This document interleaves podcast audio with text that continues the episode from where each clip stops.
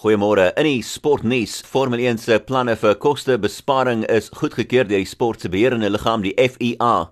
Die veranderinge aan die sport tegniese en finansiële regulasies is goedgekeur by gisterand se Wêreldmotorsport Raadsvergadering as gevolg van die behoefte om kostes te bespaar in die sport te red in die lig van die COVID-19 pandemie.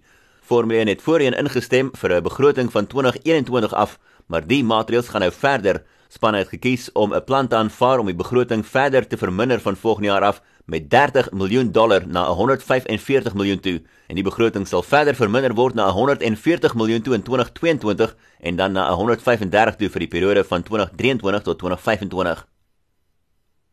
Boks en gemengde vegkunsbyeenkomste sal die naweek terugwees in Las Vegas. Dis na die Nevada staat amptenare 'n verbod op die tipe kontaksport gelig het. Alle byeenkomste sal egter plaasvind agter geslote deure as deel van maatreëls om die verspreiding van die koronavirus te beperk.